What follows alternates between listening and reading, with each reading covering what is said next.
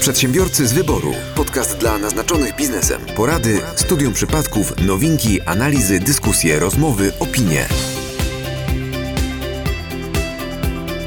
Odwieczne pytanie przedsiębiorcy. Podpisywać dokumenty piórem czy długopisem? Z wkładem czarnym czy niebieskim? W dzisiejszym odcinku właśnie specjalnie dla Was, drodzy słuchacze, rozwiążemy ten jakże odwieczny problem. A rozwiążą go z nami. Michał Kucharski? Piotr Łysko i Grzegorz Wójcik. A przy mikrofonie Mateusz Majk i w imieniu nas wszystkich właśnie witam Was w 84. odcinku podcastu Przedsiębiorcy z Wyboru. Mateusz, jaki piękny wstęp, po prostu powiem ci, widać, że się przygotowałeś do dzisiejszego Dziękuję. odcinka. I jak ty powiedziałeś to, to mi się przypomniał e, mój wykładowca sprzed wielu, wielu lat, który robił nam wpisy w indeksie zielonym atramentem. No tak? idealnie. I dzięki temu wszyscy wiedzieli, że to przewła było. I ja słyszałem, to jest plot, znaczy nie sprawdzałem tego, ale że ksero nie łapie któregoś z kolorów. Tak? No, nie pamiętam właśnie teraz którego. No niebieski na pewno. Czarny I, też. I polecasz swoim klientom zawsze podpisywać tym kolorem dokumenty. Na nie, wszelki wypadek. Nie, nie, nie, nie sprawdzałem tego, ale ale, ale słyszałem, albo może jakieś stare modele, ale tak słyszałem, że, że Xera nie łapią jakiegoś, jakiegoś koloru. A ty, tym bardziej, tym bardziej nasz gość się uśmiecha, że... Ja, ja się śmieję, bo, bo faktycznie to jest tak, że w szkole od zawsze kolor czerwony był zarezerwowany dla nauczycieli, kolor niebieski e, lub czarny były preferowane dla uczniów, więc e, to jest trochę tak, że każdy chyba miał sw swój kolor do wyboru, ale, e, ale mieliśmy chyba podobnie. całkiem tak. możliwe, całkiem możliwe. No właśnie, jak jesteśmy przy kolorach, e, Grzegorz, jakbyś mógł, e, jak jesteś przy głosie, coś więcej powiedzieć o sobie. Czym się zajmujesz jako przedsiębiorca? Skąd tutaj pomysł, żeby do nas trafić? Słuchajcie, no jeżeli wywoła, wywołaliście temat e, pióra i długopisu, to oczywiście to nie może być tak, żebym ja się tutaj nie pojawił. Jestem e, przedsiębiorcą faktycznie z wyboru. Zajmuję się od kilku lat e, Autenti, to jest taka platforma do podpisywania dokumentów, ale uwaga, elektronicznie. Także w tych, e, e, w tych rozwiązaniach, które kreuję, nie ma ani trochę atramentu, ani trochę pióra nie ma. Jest to wszystko cyfrowe. I faktycznie te dylematy, o których sobie tutaj rozmawiamy, mogą e, być już kompletnie nieistotne, no bo żyjemy w zupełnie nowej rzeczywistości cyfrowo-smartfonowej rzeczywistości. I ja nie. Ty nie. Bo widzisz, yy, Grzegorzu, że być, musimy ci Ja mam jeszcze Windows 98. Tak, że, że Piotr jest tym człowiekiem, który... E, u, u, niego ostatnio się pojawiła innowacja w kancelarii, e, drukarka i głowa. Nie no, to super, tylko że nie wierzę, żeby w ogóle z telefonu nie korzystał. To jest, myślę, jakiś taka, jakaś taka nie, no, prowokacja. No, ko korzystamy, to jest prowokacja, prowokacja. Jestem wbrew pozorom bardzo nowoczesnym prawnikiem. Bardzo tak, cyfrowym. E, każdy z nas ma jakąś łatkę, tak? Piotr ma łatkę takiego Yy... Tradycjonalisty. Okej, okay, tak. za, za technologicznego. Zanim się śmieją, że jestem y, z Rosji i e, pracuję w Bida szybach. A ja, a ja? E, a, ty, ty kochasz wszystko, co jest elektroniczne, a ty jesteś samochody. E, tak. e, członkiem jednoosobowego fan, fan klubu hejterów Jeffa Bezosa. I robisz meble. I robię meble. Restauruje. No, dobrze. No to skoro już wiemy, kto dzisiaj przy mikrofonach, to myślę, że najwyższa pora e, przejść, do newsów, przejść do newsów e, i rozpędzić ten odcinek. A ten odcinek e, rozpędzimy z użyciem map Google. Co się z nimi stało? A właśnie, co się z nimi stało, co się z nimi będzie działo, a bowiem nie wiem, czy wiecie, ale mapy Google, jak donosi Mam Startup, e, będą pokazywać przyjazne środowisku drogi. Będzie można sobie sprawdzić, e, jaką emisję e, CO2 nasza trasa będzie tutaj tutaj generowała, a co więcej, będzie można wybrać taką trasę, która na przykład kilometrowo będzie dłuższa, ale będzie mniejszą emisję na przykład robiła, bowiem na przykład nachylenie dróg i w związku z tym spalanie będzie mhm. optymalne. Wiecie, będą optymalizować pod kątem naszego śladu węglowego. Albo zaproponują, nie wiem, jakieś tam przesiadki, tak, żeby zminimalizować ten ślad. Pomysł fajny, tylko pytanie, czy to będzie działało tak, że ja będę wpisywał markę pojazdu oraz jego silnik i A tak to, dalej? Y, trzeba zapytać map Google. No właśnie, no bo uśredniając, ok, natomiast no, jadę elektrykiem, no to w zasadzie... No nie, no ale myślę, że to tak samo jak gdzieś tam się da zaznaczyć jakąś podróż y, ciężarówką i tak dalej, tak samo da się, myślę, będzie się dało to zrobić. Pomysł całkiem spoko, co nie? I ciekawe, jak to będzie działało w też w kontekście zielonych trendów, o których mówimy, i nie marnowanie papieru. Absolutnie. No, pomysł fajny, fajny. No, jedna z miłych momencie będę w ogóle go podglądał. To tak z ciekawości, e, Szkoda, że pewnego filmu nie widziałem wcześniej, jak miałem e, ciężką rozmowę z jednym z naszych gości, jeśli chodzi o właśnie... Ale my o tych filmach nie możemy tutaj rozmawiać. A ja To też jest nie niemiecki taki film, tak? No właśnie, e, niemiecki prawdopodobnie też powstał, e, bo okazało się, że powstał film e, rysunkowy, taki open source'owy, gdzie tłumaczą właśnie temat związany z zanieczyszczeniem powietrza w porównaniu do aut tradycyjnych i aut elektrycznych. E, No i w związku z tym, że on jest open source'owy, no to możemy e, go na nasz rynek, na przykład polski, niemiecki, angielski, e, zaimplementować za zgodą e, twórców, no i przetłumaczyć zgodnie ze swoim językiem. No i tam w telegraficznym skrócie pokazują e, i odczarowywują temat związany z tymi autami elektrycznymi versus auta spalinowe, że no, ta elektryka jednak nie jest taka dobra. Wszyscy zawsze mówią, no bo przecież w Polsce mówimy o elektrowniach opalanych na co? No, wszyscy wiemy, na paliwa kopalniane, no i że tak naprawdę to jest niezgodne z całą ideologią i kwestią związaną właśnie z autami elektrycznymi i z ekologią. I co się okazuje? No nie do końca, ponieważ szyby, rafinerie są zasilane prądem. Jak pokazali wprost w tym materiale, e, sto ileś tysięcy aut elektrycznych mogłoby jeździć w Stanach Zjednoczonych tylko i wyłącznie, jakby od, odłączyli wypompowywanie ropy naftowej. No i tak krok po kroku pokazali jakby na jakim etapie ile marnujemy energii i to, o czym też nie wiedziałem, bo akurat nie jestem e, tutaj mocny w inżynierii, bardzo dużo auto wytwarza energii, ale cieplnej i większość energii tej takiej, którą mógłby przetwarzać e, na jazdę, no marnuje, no bo więcej ciepła e, wytwarza benzyna czy ropa naftowa niż e, mocy pod względem przemieszczania, czyli większość no, tej energii idzie niestety w ciepło. No to, to już od dłuższego czasu się prosi rozmowa z kimś, kto się na energetyce zna, tak, a już mamy nawet pomysł na gościa w tym temacie, także będziemy kiedyś zapraszali osobę, która nam wytłumaczy, o co chodzi z tą A efektywnością ten całą. materiał z chęcią podlinkujemy, także Tak, zdecydowanie. A wracając jeszcze do tego newsa, bo tutaj dane wskazują, że około 50% tras, które ludzie wyznaczają na Google Maps, będzie się dało e, przejechać bardziej... Mm, Eko. Eko, eko. Bardziej eko. E, o- Ekonomicznie, czy ekologicznie, czy ekonomicznie i ekologicznie. Ojej, Piotrze, powiem ci, e, to miało być zabawne, ale nie. Czyli tylko Znaczy, ekonomicznie. To, to, je- jeśli, jeśli to jest... Po, jeśli, jeśli, Czyli tylko ekologicznie, czy ekonomicznie? Czyli wiadomo, że eko, tylko nie wiadomo, które eko. tak, No właśnie. dokładnie. Myślę, że będzie e, i jedno, i drugie, ale e, innowacja w Google Mapach najpierw na Stany, a potem wlatuje e, na cały świat. Także jeszcze w tym roku spodziewacie się zielonych listków i co ważne, to będzie trasa domyślnie dostępna, tak? Tak dzisiaj nam pokazuje... Nie krótszą? E, Najszybszą. Nie krótszą, najszybszą. Chyba najszybciej. najszybszą teraz najszybszą. jest domyślnie, tak, to będzie domyślnie ten, że na przykład ona będzie dłuższa, albo dłuższa czasowo, albo dłuższa kilometrowo, ale będzie bardziej... Michał, a Tak. po, powiedziałeś zielone listki, ale to, to mówisz o tych listkach, tym zielonym listku, który ty masz z tyłu przyczepiony do auta? Nie wiem, kto rozsiewa takie plotki, ale ja uważam się za całkiem niezłego kierowcę. Mi nigdy Ale nie nie zabrano powiedział, prawa jazdy, jesteś- mi nigdy y, Nikt nie... nie powiedział, że jesteś słabym kierowcą, my tylko twierdzimy, że jesteś kierowcą po prostu od trzech dni. Świeżym. Prawo jazdy od y, 2010 roku chyba mam, także moje prawo jazdy ma już 11 lat.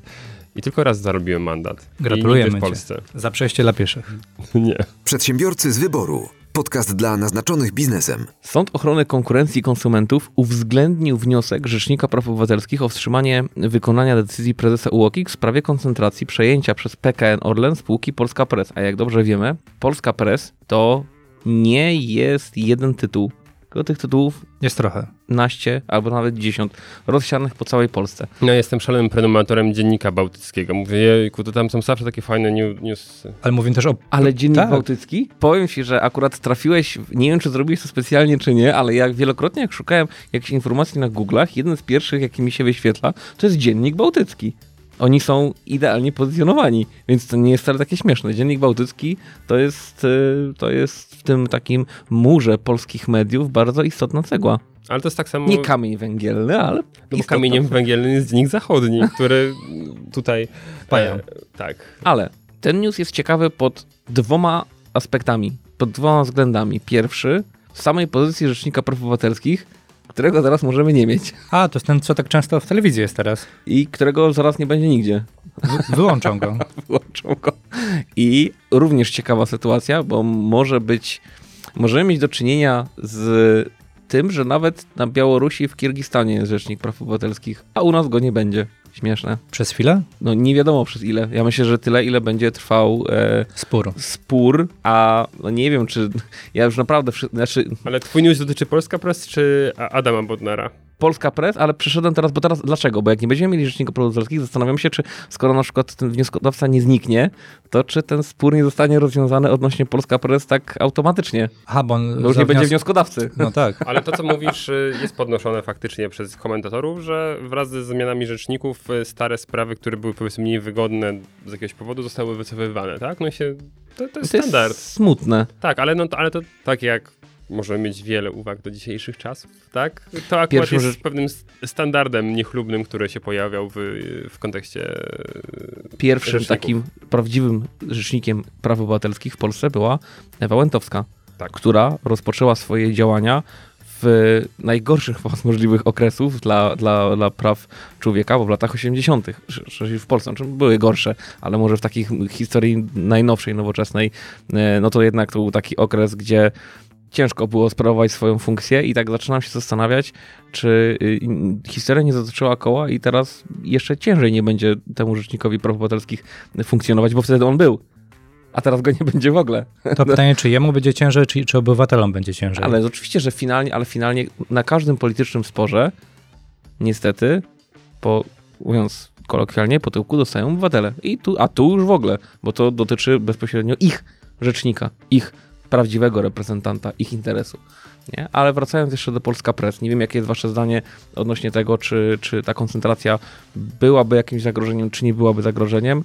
Ja boję się, że tak. I przynajmniej cieszę się, że została wstrzymana do czasu pełnej analizy y, tego zagadnienia, czy faktycznie y, taka koncentracja może równać się ograniczeniu wolności słowa w Polsce. A wybory tuż, tuż. Nie, na ten temat się wypowiadaliśmy nieraz, także ja, ja się cieszę, że no, zostało to powstrzymane, bo ko- koncert medialno-paliwowo-energetyczny To jest niebezpieczne. To, Nie- znaczy- w jednych rękach niebezpieczne. Michał, nie zatrzymany. Mi, mi, mi to, mi to, Spowo- spowolniony. Nawołując do mojej e, łatki, mi to śmierdzi generalnie poprzednią epo epoką, gdy tak wszystko było pod jednym e, obcasem. Centralizacją. Tak. Tak to nazwijmy. Dyplomatycznie. Grzegorz Kar- Kartukument, czy zos- zostawiamy tematy polityczne na boku? Wiesz co, to, temat polityczny zostawiam. Oczywiście to jest e, społecznie bardzo istotne, ale ja przede wszystkim kompletnie tego nie rozumiem od strony prawnej. To znaczy tam jest e, taka konstrukcja lewą ręką za prawe ucho, że myślę nie ma ani jednego, kto by był realnie ekspertem w takiej sytuacji, więc to jest... E, to nie jest kwestia tego, jak wygląda prawo, tylko to jest tego, Mhm, kto kogo mhm. przekona i w jakiej, w jakiej e, konfiguracji. E, a nawet niekoniecznie przekona, Wymusi. tylko Mhm. kto na kim co wymusi, więc e, szczerze powiedziawszy, e, ciężko powiedzieć, kto to wygra. Na pewno nie będą to, tak jak tutaj powiedziałeś, obywatele. Zgadzam się z tym, że, że na, najgorsza jest niepewność, Mhm. a w tym przypadku ta niepewność jest e, e, bardzo duża. Przedsiębiorcy z wyboru. Podcast dla naznaczonych biznesem. To ja przejdę może do kolejnego newsa, powiązanego. Na pewno wyłapiecie tutaj element powiązania. Przenieśmy się na razie do kanału Suezkiego. E, i- Suskiego? Prawie. Su- Suski chyba w tym coś maczał, ale, ale może nie w tym konkretnym kanale. E, Koparka, kanał Suezki i Abdullah Abdul Gawad. Nic wam na pewno to nie mówi. W każdym razie to był operator tej konkretnej koparki, która obiegła cały świat, a dokładnie na, na zdjęciu. Wiem, jaki masz news. Tak, no i co się okazało? Właśnie pana Abdullaha, pracodawca, no i innych też operatorów wezwał e, do pracy, pracy dosyć ciężkiej, pracy, która trwała po 21 godzin na dobę. E, no, case był dosyć znany wszystkim, Piotr go ostatnio omawiał pod względem strat, jakie przyniósł, przyniósł e, światu oraz jego klientom. No i co się okazało? E, wy, przekopali, wykopali, no udało się tak naprawdę zrealizować zadanie. No i pan Abdullah w związku z tym poprosił pracodawcę o wypłatę nadgodzin. No bo trochę ich było, tak? Jeśli Mhm. 21 godzin Patrząc na na to, gdzie dobę. to miało miejsce, to ją w batach? No, nie dostały w ogóle. I to jest jakby pierwszy case. E, Drugi case, po drugiej stronie globu, San Francisco, e, prezes firmy Basic Ops, zajmującej się systemami, systemami do zarządzania projektami, wprowadził do swojej firmy elastyczny czas pracy. No i twierdzi już, że ten ruch podwyższył efektywność pracowników e, i wszyscy są zadowoleni. No i słysząc te dwie historie, możemy się pokusić o stwierdzenie, że tak naprawdę co kraj to obyczaj. Nie, nie wiem, na co ja liczyłem, na jakąkolwiek... ja też. Rośnie, rośnie, rośnie, rośnie. Rośnie, a potem generalnie Mateusz no, generalnie... Jak, jak, jak se wstaniesz, tak se, jak se, jak se pościelisz, tak se, wyś, tak się wyśpisz. Kto pod dołki kopie, ten sam nie wpada. I co jeszcze? Jest co jeszcze? Nie, myślę, że nasz kolega mógłby dobrze zarobić, gdyby tylko miał dobrego agenta, bo faktycznie jest tak popularny na całym świecie, że ta praca tam już na miejscu i to wynagrodzenie za koparkę jest mu niepotrzebne i myślę, że na to liczy jego pracodawca. Natomiast no, chyba jednak życie w, e, w Egipcie jest trochę inne niż no, w San Francisco. Tak, tak, no, zdecydowanie. Ale z, drugiej, z drugiej strony może zostać celebrytą wśród operatorów koparek. Może, może. On już został. No. Ale w następnym tańcu, egipskim tańcu z gwiazdami już wiemy, kto wystąpi. Pan Abdul, Abdullah z, kopa, z koparką. Nie, ale wiesz, to, to, to, tak trochę już abstrahując, to fajnie pokazuje, jak praca w różnych częściach jest różnie oceniania. Co nie? Ja mam wrażenie, że my jesteśmy gdzieś tam po środku. Po środku czego? Czarnej dziury?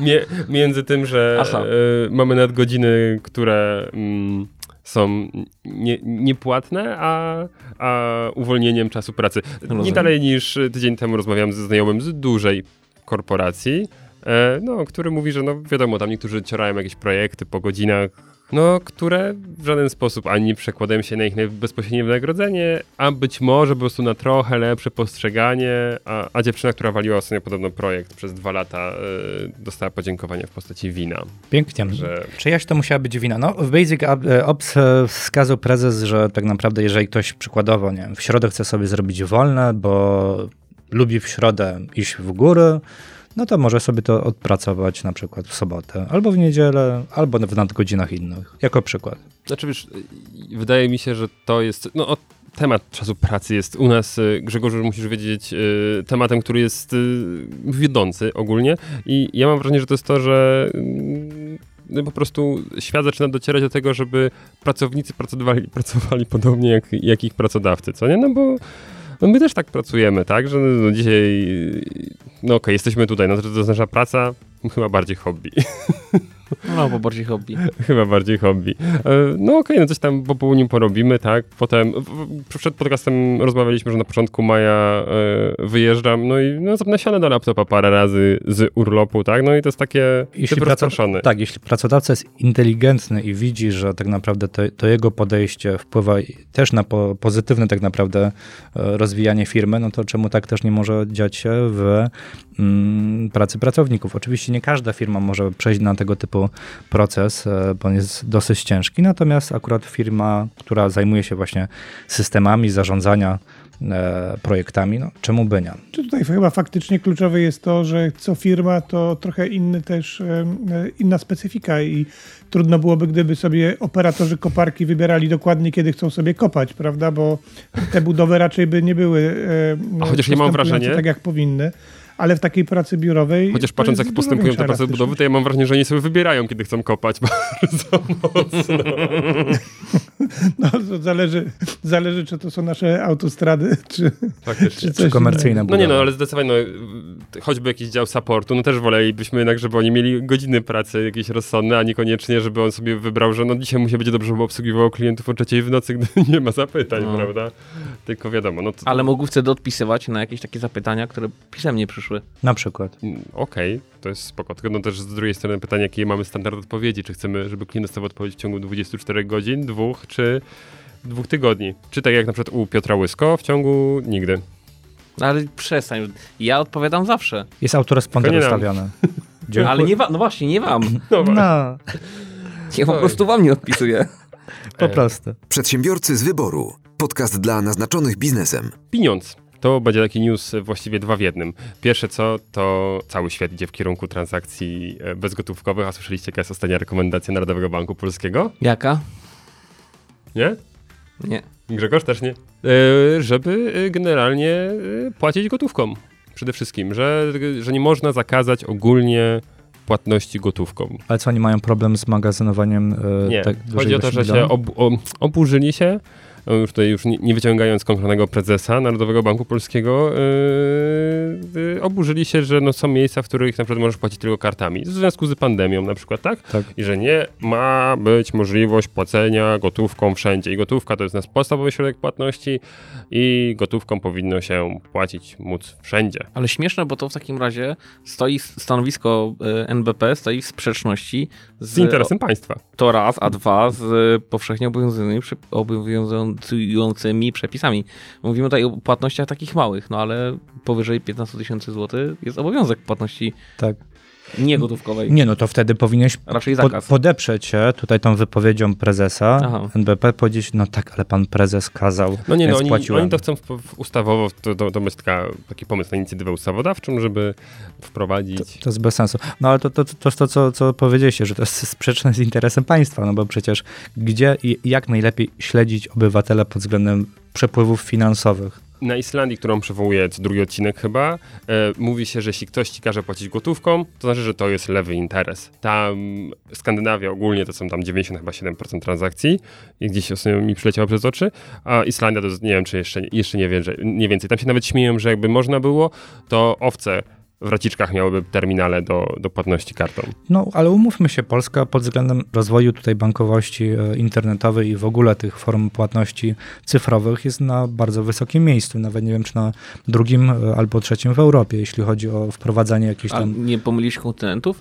My Nie. jesteśmy drugi, drudzy w Afryce. No właśnie nie. Właśnie nie. Jeszcze pamiętam, że jakiś czas temu ktoś mi pokazywał z za- zagrabanicy czeki.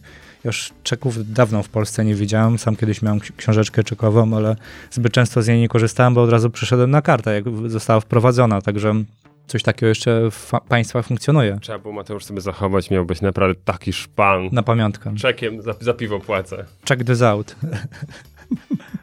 Nie, po, Pols Polska to jest faktycznie ciekawy kraj, dlatego że e, istotnie jesteśmy, jeśli chodzi o cyfryzację bankowości, e, bardzo, bardzo do przodu.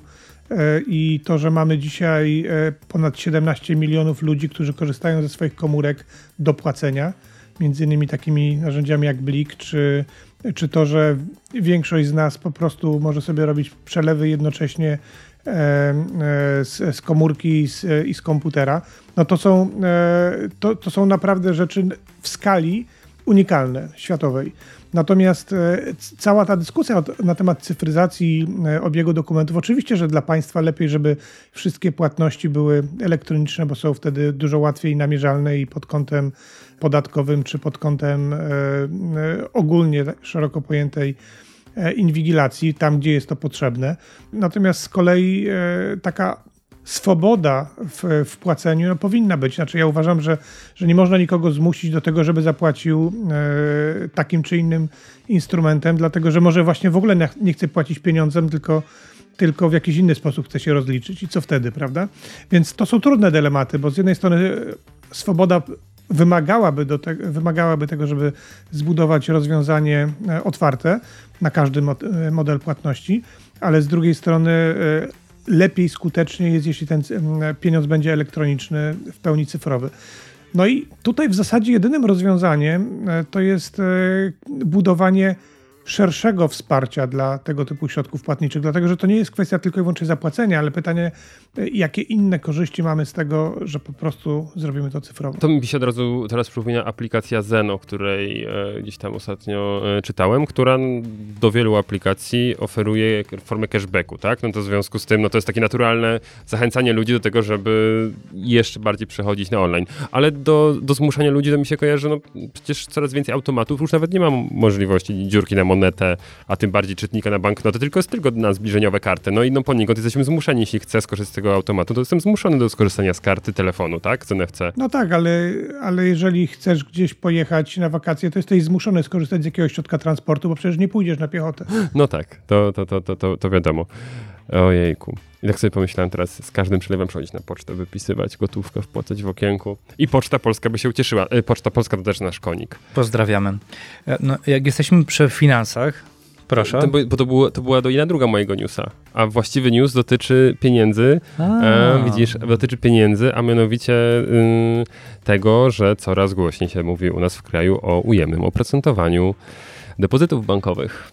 To, co w Szwajcarii już od paru lat jest e, no dość e, tematem popularnym. Tam jest od pewnej większej kwoty, nie, wspomnę teraz jej, od tyle w Polsce się mówi, no, że chyba nadchodzi czas albo bardzo drastycznych podwyżek e, opłat tak typu tam za kartę, za, za prowadzenie konta, no albo tego, że po prostu będziemy mm, karani za to, że trzymamy pieniądze na kontach w banku. W sensie, no trzymamy sobie tam 100 tysięcy, ale tam Michał, jest... my już jesteśmy karani. Ja wiem, no i właśnie do tego chcę, do, tego, do, do tego chcę dojść, że oczywiście patrząc na obecną stopę, minus inflację, to de facto pieniądze zostawione w banku na koncie tracą na wartości, tak? Tylko, że no, cyferki się nie, nie zmniejszają, mimo że ich wartość nabywcza się zm- zmniejsza. A tu dojdziemy do tego, to co będzie bolało już każdego, mam wrażenie, Kowalskiego, który potrafi porównać dwie cyferki obok siebie, że te cyferki będą malały co cię wyświetlają, jak się zalogujesz do banku. No i mm, wiadomo, że w pierwszej kolejności przypuszczalnie dostaną przedsiębiorcy, a no w drugiej e, obywatele. I co myślicie? Czy to jest faktycznie realne, że u nas e, w Polsce to przejdzie? Tak, to jest realne, że to przejdzie. I mam takie troszkę prowokacyjne pytanie następne, bo dlaczego nie? Skoro już tyle rzeczy w Polsce przeszło, to dlaczego to ma nie przejść? To lu- ludzie, ludzie wtedy stwierdzą, w większości boję się, że a tam, no i no, złotówka czy tam 5 zł miesięcznie. I par- paradoksalnie uważam, że nie przedsiębiorcy. Bo przedsiębiorcy płacą znacznie więcej, mają obroty do banki nie będą uderzać przedsiębiorców, banki będą uderzać zwykłych obywateli. I taki Kowalski, który ma, miał do tej pory konto za, za 0 zł, Tak, Wypłaty z z banku. oprocentowaniem 0,0 albo 0,01. no a teraz będzie miał, teraz będzie miał za Minus minus, zero- minus 5 zł Min- miesięcznie. min- A Po nie, ja myślę, że to będzie procentowo. Znaczy to już, już się dzieje, nie? Ja to, te- też obserwuję u siebie w banku, że co, co chwilę pojawiają się jakieś no- nowe opłaty. No i co, mogę wypowiedzieć, ale innego banku raczej nie znajdę bezpłatnego, albo przez moment zostanie, em, po, po, pojawi się jakaś promocja, a później tak wprowadzą opłatę. E, No i tutaj do tego, o czym ty Michał mówiłeś, tylko nawiążę, nawiążę, ale nie jako news, e, że no w związku z tym, że są te ujemne oprocentowania, to obywatele zaczynają ucie- uciekać do indywidualnych obligacji skarbowych. I patrząc historycznie, e, marzec e, tego roku to był drugi wynik w historii, jeśli chodzi o zakup tego typu obligacji, bo to była wartość prawie 4 miliardów złotych. Czyli szukają obywatele miejsc, gdzie mogą w miarę, no tutaj w tym przypadku bezpiecznie, e, obniżyć e, kwestię związaną z inflacją i z tym, że pieniądze tracą na wartości. Brawo. To czekam aż więcej niż y, 2 albo 3% społeczeństwa będzie wiedziało na przykład czym są E ETF-y. Musimy częściej edukować. Ja bym chciał, żeby większość niż, znaczy ja bym chciał, żeby więcej niż 30% w Polsce obywateli wiedział, co to jest inflacja. Nie, no myślę, że tu jest taka sytuacja, w której e, znowu wymyka się spod kontroli to, co, się uczyliśmy w szkołach. Jakby wszyscy nas uczyli, że trzeba zarabiać pieniądze po to, żeby sobie odłożyć e, i potem jeszcze, żeby sobie pomnażać te pieniądze z tej kubki. Natomiast to okazuje się, że ta kubka faktycznie maleje i co zrobić. E, I tego nie uczą w szkole, e, tego też nam nie podpowiadają, albo jak nam podpowiadają, to paradoksalnie mamy do wyboru wypłacić sobie, ale znowu potrącą z kilkanaście procent, albo przesunąć w inne miejsce, gdzie jest to niepewne, więc e, no, jak to jest z naszymi tutaj emerytalnymi historiami, też niełatwo, prawda? No i tak, temat y, e, e, emerytur przedsiębiorców to jest... My w nie nie wierzymy. nie. To jest jak to Yeti. Wszyscy o tym mówią, ale nikt tego nie widział. E, Zresztą podlinkujemy w tym miejscu, myślę, odcinek, który nagrywaliśmy z Mariuszem e, Bijakiem, który pięknie na- nazwaliśmy Emerytura to bzdura e, przedsiębiorco. Także dalej, jakieś newsy, szanowni państwo, mają? Przedsiębiorcy z wyboru. Podcast dla naznaczonych biznesem. Czy jesteście w stanie pójść legalnie teraz do fryzjera? Zależy, kogo możemy nazwać fryzjerem. Moja żona mnie obcina, jest też Zawodowo barberem. trudny, po prostu, bez zbędnej filozofii. Fryzjer, zakład fryzjerski. E, tak, e, na trawce. Okej, a jak prawnik mnie obetnie na łyso, to też jest, rozumiem... e, Nie, dobra, e, z, Trawka, ławka. nie trawka ławka. Wróćmy, bez żadnej zbędnej filozofii. Zakład fryzjerski, tak jak do tej pory funkcjonowały, zamknięte zakłady fryzjerskie, gdzie w środku jest osoba, która trudni się obcinaniem, nożyczkami i innymi przyrządami włosów na głowie. Tylko i wyłącznie, czy jeszcze to łączy z odbieraniem przesyłek? e, Tylko i wyłącznie. To nie można. Dobrze, dziękuję. A, a jak będzie fryzjer w żabce? No właśnie. Nie, To przyjdzie fryzjer. Nie można. Ale dajcie mi do, dojść do... Proszę.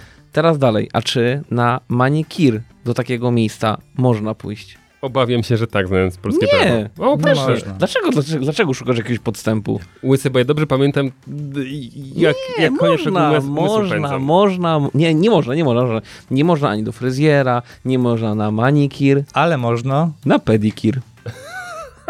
Normalnie, ustawowo. Ustawowo pedikir nie jest wyłączony, a manikir tak. Także zasadniczo e, mówi, a bo, ty, bo to, to jest most, bo ty mówisz o stopach. Ty mówisz o procentowych, a ja mówię o prawdziwych. I tutaj Ale- ale o stopy, gabinety podologiczne mogą funkcjonować, nie są absolutnie, absolutnie w żaden sposób wyłączone. Przepraszam. Pełen legal. I widzisz, jakbyś się wczytał w ten przepis, to byś wiedział dlaczego. Jaka jest ustawowa odległość między ludźmi? 6 stóp.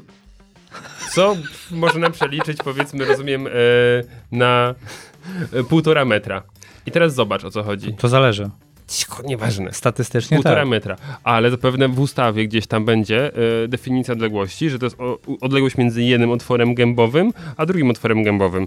I z łapkami nie jesteś w stanie zrobić półtora metra, ale ze stopami, jak ktoś leży, to proszę bardzo, masz półtorej metra, bang, dziękuję, pedikir wchodzi w grę. I tak to właśnie działa.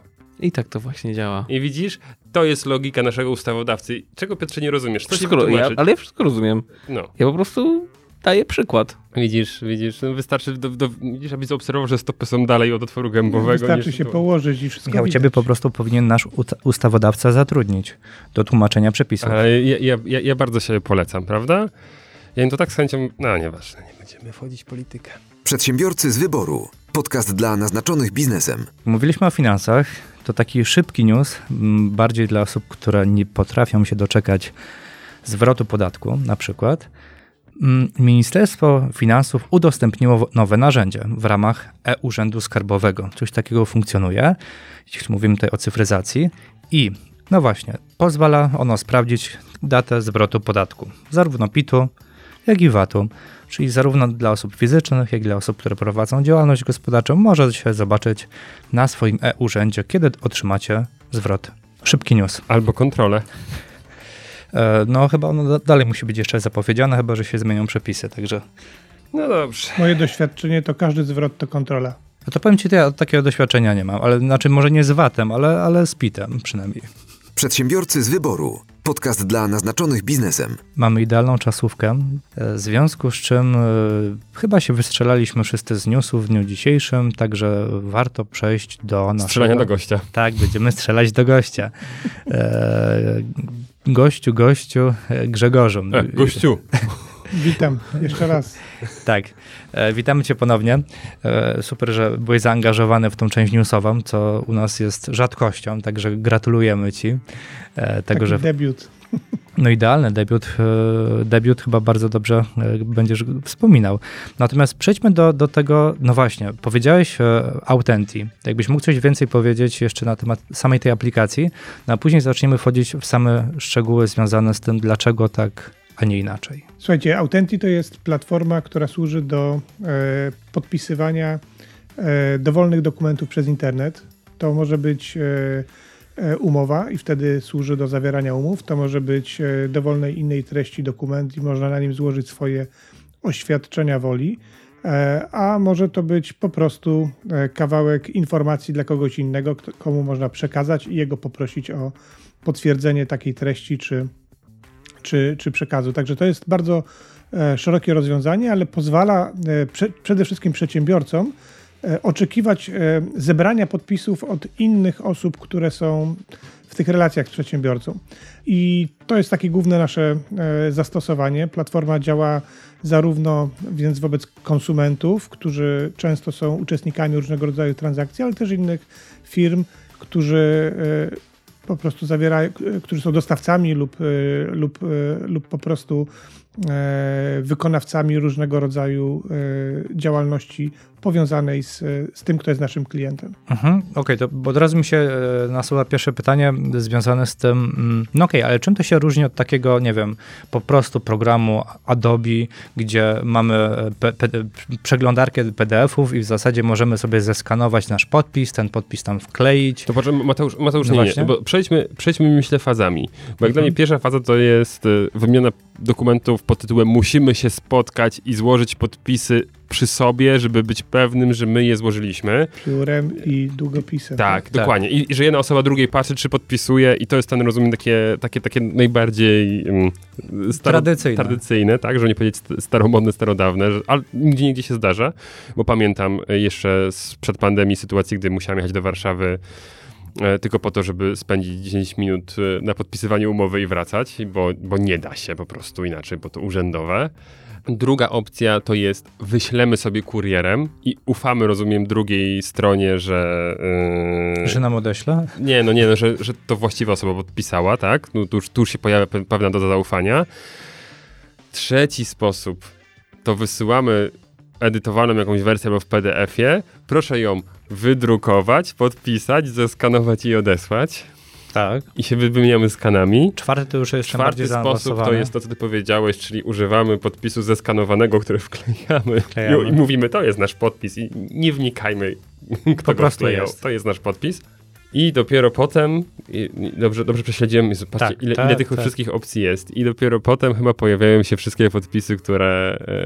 Yy, no właśnie, jak się potem pojawiają podpisy? No właśnie, y, bardzo fajnie to opisaliście, bo tak jak pokazaliście, to jest wiele różnych sposobów podpisywania dokumentów y, i to, co y, zauważyliśmy, to jest kilka bardzo istotnych elementów, które są istotą tego, czym jest to podpisywanie. Mianowicie, podaliście element logistyczny czyli to, że chcemy sobie podpisać jakiś dokument, jeżeli jesteśmy wszyscy w jednym miejscu, to nie jest to problem. Natomiast jak działamy sobie na odległość, no to zaczyna to być kłopot i ta logistyka robi różnicę, dlatego że przesłanie dokumentu e, nawet w ramach jednego biura, od biurka do biurka, to jest czas. To jest proces, który polega na fizycznym przeniesieniu tego papieru z jednego miejsca w drugie. Oczywiście każdy, e, każdy musi wziąć e, długopis, e, podpisać, przekazać dalej, a więc to, to trwa. To jest jed, jeden wymiar, ten logistyczny. Drugi wymiar, który poruszyliście, to jest wymiar wiarygodności tego, kto to podpisuje. I jakby wiadomo, że jeżeli mówimy o takim mega e, bezpiecznym sposobie, no to mamy notariusza, zapraszamy sobie tego notariusza do, e, do nas do pokoju. On patrzy nam na ręce, my podpisujemy, wszyscy mamy to potwierdzone, że podpisaliśmy, ale oczywiście są różnego rodzaju jeszcze e, sposoby, gdzie to nie musi być notariusz, to może być e, inna osoba, która, e, która jest zaufana e, i ta osoba też nam potwierdzi, że faktycznie te osoby się spotkały. No oczywiście są, są też przypadki takie, w których działamy w pełni na odległość i tutaj też możemy mieć dwa różnego rodzaju takie podprzypadki, albo robimy to z kimś, kogo znamy, po prostu e, przesyłamy mu po prostu logistycznie te dokumenty za pomocą, tak jak tutaj powiedzieliście, poczty czy kuriera, albo kogoś nie znamy. No i wtedy oczywiście jest większy kłopot, bo trzeba najpierw w jakiś sposób stwierdzić, że ten ktoś to ten ktoś, za kogo się podaje. Więc jakby te wszystkie rzeczy, o których tutaj sobie powiedzieliśmy, e, zostały przez nas wzięte pod uwagę i tak stworzyliśmy platformę Authentic, która z jednej strony służy do elektronicznego obiegu dokumentów, który daje niesamowite przyspieszenie i skraca cały ten proces zazwyczaj z wielu dni do dosłownie kilku minut, a z drugiej strony e, buduje ten element e, wiarygodności, dlatego że na platformie można złożyć różnego rodzaju podpisów, zarówno podpisy zwykłe, jak i podpisy tak zwane kwalifikowane, a więc takie, które posiadają już potwierdzenie e, tożsamości. I to wszystko się może pojawić na jednym dokumencie, czyli w, w ramach jednego pliku. Można zebrać podpisy od wielu osób, każdy nawet e, podpis może być innego rodzaju i to wszystko jest dobrze zwizualizowane, dlatego że e, sama kwestia e, podpisów cyfrowych to jest oczywiście dość zaawansowana informatyczna sprawa, bo te dane, które są w tych podpisach, muszą być połączone integralnie z treścią, której to dotyczy, i automatycznie mamy nie tylko cyfrowy podpis, ale też wizualizację tego podpisu. No i na koniec jest e, rzecz bardzo istotna, mianowicie to, że e, każdemu, kto podpisuje dokument, zależy na tym, żeby to podpisane było dokładnie to, czego się spodziewał, a nie żeby ktoś coś zmienił, podmienił kartkę, czy, czy zmodyfikował jakąkolwiek treść przy tym e, wydruku. Więc e, tutaj platforma Authenti również służy do tego, żeby zachować od samego początku do samego końca tak zwaną integralność treści, czyli nie pozwolić nikomu zmodyfikować treści dokumentu, dopóki nie jest e, podpisany, sfinalizowany i rozesłany do wszystkich uczestników tej ceremonii, można by powiedzieć, podpisywania. Także w dużym skrócie te wszystkie wyzwania, które znamy ze świata tradycyjnego, staraliśmy się zaatakować. Rozwiązaliśmy je w, w, dość innowacyjny sposób, łącząc e, technologię z aspektami prawnymi i jeszcze na dodatek patrząc na to z perspektywy użytkowników, wygody, tak żeby to podpisywanie stanowiło przyjemność, a nie było kolejnym obowiązkiem i stertą papierów na biurku. Mhm. E, super, że to też mm, wskazałeś właśnie, no, w jaki sposób to u Was wygląda.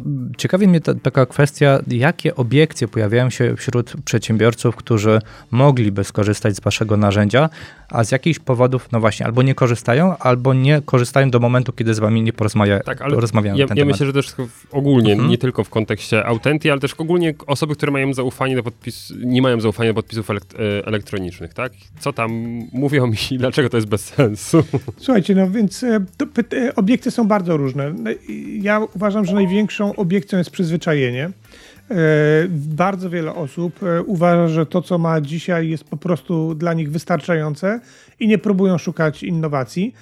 I to jest dla nas najbardziej e, wredny przypadek, dlatego że e, przekonać kogoś, kto, e, kto po prostu czuje się komfortowo z tym, co ma, jest zawsze trudniej niż kogoś, kto jednak widzi deficyty w, w tym, co robi. My tutaj oczywiście wskazujemy te różnice, o których powiedziałem, czyli logistyka, szybkość podpisu. Podaję nawet przykład. Jeden z naszych klientów, Agencja Pośrednictwa Pracy, żeby załatwić swojemu klientowi pracownika, bo dzisiaj bardzo trudno znaleźć dobrych pracowników na rynku wykwalifikowanych, E, gdy podpisywał wszystkie dokumenty e, papierowo, to ten e, proces trwał kilka dni, bo nawet jak dogadał umowę na telefon, to zanim ona przyszła podpisana, to ten pracownik już dostawał kolejną ofertę, bo jeszcze nie czuł, że jest umowa zawarta. W momencie, kiedy przeszedł na podpisywanie dokumentów elektronicznie, automatycznie te, te dokumenty są praktycznie zatwierdzane w ciągu kilku minut, problem się rozwiązuje. Więc to są takie konkretne przypadki, jak ta logistyka czy, czy, czy inne aspekty związane ze specyfiką mogą po prostu znacząco pomóc. Drugim takim wyzwaniem, e, można by powiedzieć, jeśli chodzi o taką obiekcję, to jest to niedowierzanie, że cyfrowo jest e, e, też bezpiecznie. E, dlatego, że dla wielu dokument cyfrowy to jest taka czarna magia, ponieważ nie widać tego. Znaczy, papier możemy dotknąć, długopis możemy dotknąć, tak? Kurier fizycznie do nas przychodzi. A tutaj mamy co? Mamy plik elektroniczny, który, który co? No to tak kliknąłem i wszystko pozałatwiane. To jest takie niedowierzanie. I tutaj faktycznie z odpowiedzią przychodzą po prostu standardy wypracowane w, przez Unię Europejską, przez odpowiednie przez odpowiednich ekspertów, którzy stworzyli ramy do ram prawnych stworzyli ramy techniczne i dzięki temu te podpisy elektroniczne są e, budowane w bardzo określony sposób, tak że złożenie podpisu danego rodzaju może być rozpoznane przez innych. Tutaj wspomniana e, przeglądarka Adobe e, Reader na przykład pozwala na otworzenie takiego dokumentu, zobaczenie, że o, istotnie są w nim takie podpisy, kto je składał, to wszystko jest po prostu widoczne, a więc ten element wizualizacji tego, co jest normalnie cyfrowe i niewidoczne, jest bardzo istotny i to, e, i to bardzo wielu osobom pomaga. I myślę, że trzecią taką, taką kategorią e, to jest, e, to jest ta niepewność co do osób, które podpisują, czyli tej wiarygodności podpisującego, i tutaj oczywiście jest wszystko bardzo zależne od tego, jakiego rodzaju transakcje zawieramy, dlatego że tu podobnie jak w tym świecie rzeczywistym, jak popatrzymy sobie na aspekty e, związane z, z, bezpieczeństwem i tą weryfikacją tożsamości, paradoksalnie w internecie są dzisiaj metody, które pozwalają bardzo dobrze zweryfikować tożsamość. E, oczywiście możemy się posłużyć wydanymi wcześniej e, certyfikatami kwalifikowanymi, które zawierają w sobie potwierdzenie tożsamości, ale mamy różnego rodzaju metody identyfikacji zdalnej, które polegają na tym, że można od takiej rozmowy bezpośredniej przez kamerę wideo, pokazania sobie dokumentów tożsamości, czy, e, czy, czy wręcz nawet wchodzimy w obszar e, potwierdzenia tej tożsamości za pomocą wspomnianej dzisiaj nawet tutaj bankowości elektronicznej. Także to są, e, to są różnego rodzaju innowacje, które powodują, że ten proces papierowy praktycznie jest w każdym punkcie gorszy. Po prostu jest mniej, mniej skuteczny, jeśli chodzi o materiał dowodowy. Zadajcie nawet sobie wewnętrznie pytanie, kiedy weryfikowaliście e, czyjś podpis, jak przyszedł od kuriera, prawda? To się nie zdarza. E, można iść do grafologa, tylko zapytam tak przewrotnie, kto z was widział kiedykolwiek grafologa? Jedna osoba, prawda, na trzy. To jakby pokazuje wszystko, a grono Ale mamy tylko, bardzo tylko, specyficzne. Tylko zupełnym przypadkiem, bo jestem adwokatem i stykam się z y, analizą wiarygodności przepisu na sali dość często, ale gdyby tu siedział ktokolwiek inny, no to myślę, że dalej nikt nie widziałby ale, grafologa. Ale nadal jedna na trzy, prawda? A, a, a, jesteś, a jesteście gronem naprawdę wyjątkowym, więc jakby w skali całego społeczeństwa to bylibyście tutaj promilem. Po prostu jesteście tak wyjątkowi i niesamowici. Ale dokładnie, dokładnie, e, dokładnie o to chodzi, że tych rzeczy po prostu nie widać w świecie papierowym, a w świecie cyfrowym one istnieją, więc są realnymi dowodami z, e, ze, ze sprawy i one potem stanowią taki, mm, taki materiał, który odpowiednio opracowany może stanowić w sądzie materiał dowodowy, który pozwoli na na udowodnienie to, że dana osoba w danym czasie e, wykonała daną czynność. Mhm. Mówiłeś o pewnych e, standardach, które e, odpowiednie instytucje unijne nałożyły na, na twórców i na osoby, które korzystają z tego typu narzędzi. Powiedz mi, jakie to są standardy? W jaki sposób ten podpis powinien być uwiarygodniony no, jakie dane powinien posiadać? Przede wszystkim jest e, rozporządzenie EIDAS. To jest w Europie takie, taki główny akt prawny, który na poziomie całej Unii Europejskiej zrównał e, przepisy krajowe i pozwolił na to, że, żeby rozpoznawać takie trzy rodzaje podpisów: podpis zwykły, podpis zaawansowany i podpis kwalifikowany. Czyli, e, czyli podpis zwykły nie ma określonej żadnej e, e, formuły. Tutaj jest pełna dowolność, neutralność technologiczna. Natomiast podpis kwalifikowany to jest, e, to jest podpis, który zawiera w sobie wykorzystanie tak zwanego certyfikatu kwalifikowanego, który, którego wydawać mogą tylko podmioty, które przeszły odpowiednie audyty. Ale co jest istotne, to, ten, e, to już jest poddane konkretnym normom technicznym, e, które, których standardy wypracowuje ETSI, e, taki komitet, który po prostu ustalił, w jaki sposób to wygląda. Dzięki temu możemy w każdym kraju członkowskim mieć różnych operatorów takiego podpisu, różnych takich dostawców i certyfikat wydany w jednym kraju będzie ważny w całej Unii Europejskiej, rozpoznany tak, że ten podpis będzie równoważny własnoręcznemu w każdym, w każdym z tych krajów Unii Europejskiej. Więc Podpis zaawansowany to jest z kolei taka hybryda pomiędzy podpisem zwykłym a, a podpisem kwalifikowanym. On zawiera potwierdzenie tożsamości na znacznie wyższym poziomie niż w podpisie zwykłym, natomiast, natomiast no nie wymaga formuły kwalifikowanej. Bardzo często te podpisy stosuje się w, w biznesie, bo one dają dają większe, większą wiarygodność w przypadku transakcji wysokowartościowych, co po prostu ma znaczenie dla ograniczenia ryzyka. Mhm. I wykorzystacie z tego drugiego podpisu? No właśnie, ja nie, chciałem... Właśnie nie. Platforma Autenti e, charakteryzuje się tym, że my dostarczamy możliwości skorzystania ze wszystkich rodzajów podpisów. Czyli dla nas to jest obojętne, jaki klient wykorzystuje rodzaj podpisów. To jest jego decyzja, dlatego że każda sprawa, każdy przypadek użycia jest inny i, e, i warto po prostu dostosowywać te podpisy do tego, w jaki sposób e, e, pracujemy i, i co podpisujemy. Wiadomo, jeżeli chcemy podpisać dużej wartości kontrakt, e, doradzałbym e, wykorzystanie tych e, zaawansowanych czy kwalifikowanych podpisów. Natomiast jeżeli mówimy o drobnych sprawach życia codziennego, gdzie materiał dowodowy też jest zebrany całkiem dobrej jakości, który wystarcza do tego, żeby potwierdzić, że konkretne osoby wykonały dane czynności, no jest zdecydowanie tańszym rozwiązaniem, a z kolei równie skutecznym w większości przypadków. Ponad 90 kilka procent przypadków dokumentów E, może być podpisany w tak zwanej formie dokumentowej, zgodnie z kodeksem cywilnym i, i to jest forma absolutnie e, wystarczająca. No właśnie, bo teraz już powiem, ja z Authentic korzystam od dwóch, trzech lat co najmniej. Także jestem waszym userem i mam e, tą, tą możliwość weryfikowania, jak to usprawnia pracę firmy i pytania, bo chcę podpisać u was. No, mm, umowa jest to powiedzmy gdzieś tam w miarę prosta i się pojawia. Rodzaj składanego podpisu. E-podpis Autenti. Czyli rozumiem, że to jest ten zwykły podpis. Żebyśmy tak sobie powiedzieli. Ok, i obok mam e, opcję podpis kwalifikowany i rozumiem, że to będzie już ten e, top of the top, e, gdzieś tam ze siatkówką oka, co mnie zbadali, prawda, że szpik wzięli tam ten, tak, i te sprawy, żeby już było wiadomo, że to ja. Ok, ale w e-podpisie Autenti jest opcja autoryzacji e-mail i e-mail i SMS. Czy to jakoś zmienia wartość tego podpisu? Czy to jest po prostu taka dodatkowa wartość yy, yy, dowodowa, tak? Czy to jeszcze tak, oczywiście. SMS? To jest, e, popatrzcie na to w ten sposób. Najpierw z takiej ogólnej perspektywy, niekoniecznie mhm. patrząc wyłącznie na e-mail czy SMS. To jest tak, że yy, każdy z nas ma różnego rodzaju narzędzia komunikacji z nim, które są wytypowane oraz ma, yy, oraz ma pewnego rodzaju, yy, nazwijmy to w tym świecie cyfrowym, cechy. E-mail dzisiaj to jest jedna, jedna, jedna z danych kontaktowych, ale bardzo powszechnie używany e, identyfikator w, w naszej e, działalności. To samo dotyczy telefonu komórkowego.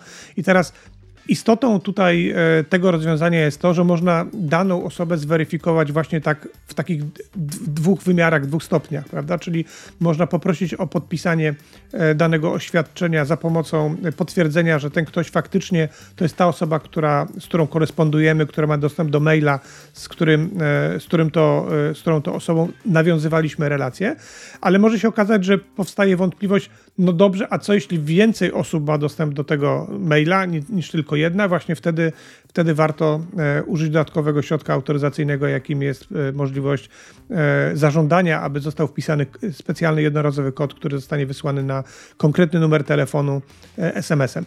I to jest tak, że to, co my mówimy klientom to, i pokazujemy, jak to, jak to działa, to to są narzędzia, które służą zwiększaniu wiarygodności.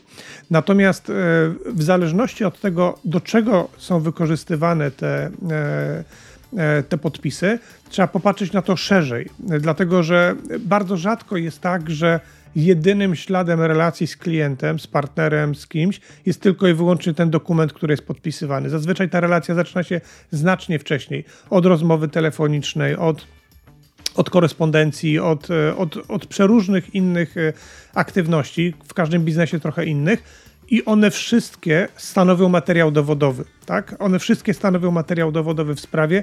Podpis jest wyłącznie e, kończeniem tego procesu e, w taki sposób, w którym zarówno w dokumencie, w jego treści zawieramy różnego rodzaju potwierdzenia, a same, e, sama autoryzacja następuje po prostu na samym końcu, konserwując niejako te nasze ustalenia, zabezpieczając je w pliku elektronicznym. Także tak to wygląda z, z perspektywy szeroko pojętego wykorzystania, więc na, zawsze polecam patrzeć na wszystkiego rodzaju procesy y, szeroko, bo to, to dopiero pokazuje wtedy, gdzie są ewentualne y, ryzyka w takiej działalności, tak jak podawałem wcześniej. No, dla różnego rodzaju wysokowartościowych spraw absolutnie bym polecał wyższy poziom wiarygodności i wyższy poziom zabezpieczenia niż dla drobnych spraw. To jest chyba oczywiste, ale tak samo przecież robimy w realu. Jak, jak, jak zawieramy bardzo ważny kontrakt, to y, oczywiście oprócz kwestii kurtuazyjnych, gdzie chcemy się spotkać, to, to wiemy, że jesteśmy bardziej skłonni nawet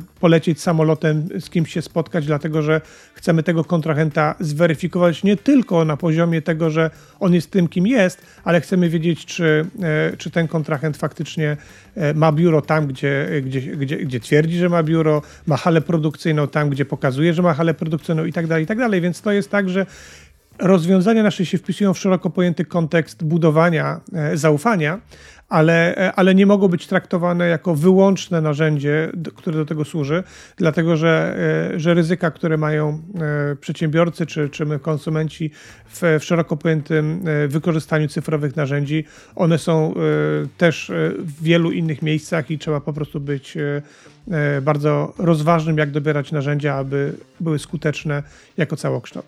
Fajnie, Michał, że tutaj podałeś to, że są dwie formy e, podpisywania, tak? czyli albo mhm. na zasadzie uwierzytelniania przez maila, albo przez maila i SMS. I to nie padło, a dobrze, żeby to też było powiedziane naszym słuchaczom, że mm, ta druga strona, która podpisuje nasz dokument, ona nie musi mieć tego narzędzia, bo bardzo często, no właśnie, się pojawia taka wątpliwość, czy ja też muszę mieć Authentic, a przynajmniej ja bym miał od razu taką wątpliwość, natomiast faktycznie ja też korzystałem z tego narzędzia, więc zdaję sobie sprawę z tego, że nie. Tylko dobrze, żebyśmy właśnie to mocno podkreślili. Tak, to jest, to, to jest bardzo ważne, że, że to podkreślacie, bo to, to był ten przełomowy moment. Jak tworzyliśmy tą platformę na samym początku, ona była ewidentnie stworzona tak, że to jest takie narzędzie, na które umówić się muszą obie strony, umówić się, to znaczy jakby wcześniej skorzystać z tego, jakby zapisać się do tego. Ten model zmieniliśmy i on dzisiaj działa w taki sposób, że on jest otwarty, to znaczy można e, zażądać e, złożenia podpisu, natomiast nie potrzeba posiadać e, nic ponad telefon, smartfon, komputer, żeby, żeby realnie podpisać dokument. Nie ma co więcej żadnych kosztów. Tu jest trochę taki model jak dzisiaj, model telekomunikacyjny, czyli ten, co dzwoni, czy u nas w tym przypadku ten, kto wysyła, nadaje dokument, ten płaci, natomiast ten, kto podpisuje, nie ma żadnych kosztów. Oczywiście e, na platformie też udostępniliśmy taką możliwość, żeby spróbować sobie, jak to rozwiązanie działa, także do pięciu dokumentów miesięcznie można podpisywać w ogóle bez żadnych opłat i po prostu zobaczyć, jak to, jak to działa, jak to funkcjonuje i przekonać się, że to jest faktycznie bardzo wygodne i łatwe. E, przepisy na pewno to też dosyć mocno regulują i pytanie takie, które z umów, e, a na pewno kilka ich jest, nie możemy tego typu podpisem cyfrowym podpisać tylko w wersji papierowej. Tak, znaczy faktycznie mamy w, w naszym jeszcze, e, tutaj odeślę do Polski, polskim kodeksie cywilnym mamy wiele takich, e, takich zapisów, które faktycznie uniemożliwiają podpisywanie dokumentów w sposób inny niż równoważny własnoręcznemu, czyli z użyciem tych certyfikatów kwalifikowanych. I to są e, głównie takie e, obszary jak e, przeniesienie praw autorskich majątkowych, czyli licencje można, natomiast jeżeli chcemy na trwale przenieść prawa autorskie majątkowe, to już powinniśmy użyć podpisu kwalifikowanego, umowy leasingowe czy specyficznego rodzaju umowy najmu długoterminowego. Więc jest takich, e, takich e, e, rodzajów umów trochę więcej. Jest cały katalog, który, który pomaga po prostu przebrnąć początkującym przedsiębiorcom przez te nasze polskie przepisy. Natomiast można powiedzieć śmiało, że większość, zdecydowana większość, powiedziałbym 90 kilka procent rodzajów dokumentów, które są powszechnym obiegu, wystarczy dla nich ta zwykła forma dokumentowa, więc nie wymagane są żadne podpisy kwalifikowane. Czyli, żebym dobrze zrozumiał, w zasadzie każdą umowę możecie, można podpisać przez wasze narzędzie, tylko wtedy, jeśli to jest umowa na przykład z przeniesieniem praw autorskich, należy wybrać inną formę potwierdzenia niż ta taka tradycyjna, tak? Bo podpis kwalifikowany też możemy wykorzystać u was w narzędziu. Tak, znaczy podpis, pod, e, certyfikaty kwalifikowane i podpisy kwalifikowane to jest coś, co jest w ofercie naszych partnerów. My, my sami współpracujemy z kilkoma takimi dostawcami takich certyfikatów. Tam, żeby wytworzyć sobie taki certyfikat, to faktycznie trzeba ponieść e, dodatkowe koszty, ale, e, ale nadal e, jak się to zrobi, to jest bardzo wygodne. Wykorzystanie tego jest, skorzystanie z tego jest po prostu bardzo podobne do tego, jak działa podstawowa funkcjonalność platformy. Natomiast większość umów też można zrobić, no to też zależy od, od, od specyfiki. Tak, bardzo często klienci zawierają za pomocą naszej platformy e, umowy zobowiązujące na przykład do zawarcia danej umowy w przyszłości, gdzie sobie tą dodatkową formą potwierdzą e, później. Natomiast wszystkie istotne elementy biznesowe są, e, są ustalane najpierw. Tak jak powiedziałem, w biznesie jest szybkość bardzo istotna i jakby potwierdzenie tego, że mamy intencje, mamy, mamy kierunek, w którym idziemy, jest bardzo istotne. Czasami bywa tak jeszcze, że nasi klienci mówią, dobra, to podpisujemy najpierw przez Authentic, mamy to sfinalizowane, ale potem z jakiegoś powodu, y, bardzo często związanego z tym, że, że jest jakaś logistyka z tym związana, że to nie jest tylko i wyłącznie usługa wirtualna, czy usługa świadczona na odległość, tylko są jakieś fizyczne towary, czy inne rzeczy, które są w trakcie. Ta, ten, ten fragment dokumentacji pozacyfrowej też jeszcze istnieje, więc tutaj jakby mówimy klientom wprost, jeżeli uważacie i czujecie się tak, że potrzebujecie mieć ten papier, sobie zrobić kompatybilność wstecz, to proszę bardzo, to jakby niech was to w ogóle nie ogranicza. Natomiast e, na pewno jest tak, że każde skorzystanie z dowolnego rodzaju podpisu daje nam rząd wielkości większą pewność w obrocie, dlatego że pozwala nam po prostu szybciej finalizować nasze koncepcje współpracy. Mhm. Powiedziałeś tutaj, że e, no właśnie współpracujecie z różnego rodzaju partnerami, jeśli chodzi o ten podpis kwalifikowany. Czy ten podpis kwalifikowany różni się czymś od tego podpisu na ePUAP-ie, które, które część z nas być może już ma e, założone? Tak, oczywiście. To są dwa e, różnego rodzaju narzędzia. E, certyfikaty kwalifikowane to jest, tak jak powiedziałem, e, zgodnie z prawem unijnym forma, która pozwala nadać podpisowi elektronicznemu równoważność z podpisem własnoręcznym. Natomiast podpis zaufany to jest coś, co jest takim polskim tworem, można powiedzieć, polsk rządowym tworem, który powstał jako e, rozwiązanie pozwalające obywatelom e, działać w relacji do administracji. Czyli tam, gdzie dzisiaj potrzeba e, podpisać dokument w stosunku do urzędu, należy najpierw sobie taki profil zaufany stworzyć. Można to zrobić albo osobiście, udając się do urzędów, co dzisiaj oczywiście nie polecam. E, lub druga opcja to po prostu wytworzyć sobie taki, taki profil za pomocą bankowości elektronicznej i, i wtedy taki profil pozwala nam zatwierdzać różnego rodzaju czynności z administracją publiczną podpis kwalifikowany daje ten sam skutek e, prawny, co, e, co te certyfikaty czy, czy podpis zaufany. Natomiast to są dwa różne zastosowania. Tak jak podpis kwalifikowany działa zarówno w relacjach i z administracją publiczną, i komercyjnych, tak e, profil zaufany na pewno działa z administracją co do, co do kwestii relacji z szeroko pojętym otoczeniem biznesowym nie jest to powszechnie używane narzędzie. To zupełnie właśnie z ciekawości, czy jest opcja w przyszłości zaimplementowania takiego podpisu zaufanego, gdzie myślę, że każdy z nas już to robił nieraz, tak? Gdzie się przez bank logujemy, czy tam gdzieś tam wcześniej, tak jak mówiłeś, potwierdziliśmy swoją tożsamość w urzędzie, do aplikacji no, komercyjnych, tak? Takich jak Authentic. Czy to jest dla się, będzie dało się dało powiązać? Powiem tak, my to mamy zrobione, tylko że przepisy uniemożliwiają nam wykorzystanie tego. E, I to jest taki paradoks. Znaczy, tu jest, e, tu jest kilka pułapek, które, które, które zostały zastawione na niestety tutaj innowatorów. I faktycznie jest tak, że my możemy użyć takiej integracji wyłącznie w relacjach z administracją publiczną, Natomiast nie możemy tego używać do celów komercyjnych. I to jest smutne, ale no tak wygląda dzisiaj rzeczywistość. Okej, okay, a z twojej perspektywy wydaje się, że są ku temu jakieś przesłanki, czy to jest po prostu kwestia tego, że w końcu ktoś wpadnie, że trzeba zmienić ustawę w tym zakresie? Nie, to nie jest kwestia tego, e, kto na co wpadnie, tylko kto jak, e, kto jak myśli na temat tego, czym jest ten podpis czy profil zaufany. E, zwróćmy uwagę na jedną rzecz. Jeśli chodzi o sektor komercyjny, czy dostawcy kwalifikowanych usług, to są podmioty, które, e, które biorą na siebie odpowiedzialność za potwierdzenie tożsamości. E, one są zobowiązane do tego, żeby wykupić odpowiednie polisy ubezpieczeniowe i, i po prostu mają to wkalkulowane w, w, ryzyko prowadzenia działalności gospodarczej. Jest to zabezpieczone również też jakby wymuszone ustawowo, ale, ale ta odpowiedzialność istnieje. Natomiast e, no, tutaj powstaje pytanie takie, na ile, na, na ile państwo i to jest też pewien paradoks, tak, może, może i powinno wziąć odpowiedzialność komercyjną za użycie narzędzi, które dostarcza swoim obywatelom. Paradoks, mówię, polega na tym, że dzisiaj większość tych profili zaufanych nie powstało w wyniku pójścia obywateli do e, urzędów, tylko w wyniku tego, że banki e, tożsamość, którą oni na komercyjnych warunkach potwierdzili, została przekazanych z powrotem do, e, do państwa. Także to jest e, e, mega wyjątkowa konstrukcja, ten, ten profil zaufany, jeśli chodzi o kwestie prawne i myślę, że to jest główną osią tutaj wątpliwości, czy i w jakim zakresie to może być wykorzystywane do celów komercyjnych. Ale to taka dygresja, bo pewnie jakbyśmy chcieli zejść na poziom bardziej szczegółowy, no to moglibyśmy, ale, ale to wtedy chyba nie byłoby zjadliwe dla naszych tutaj słuchaczy.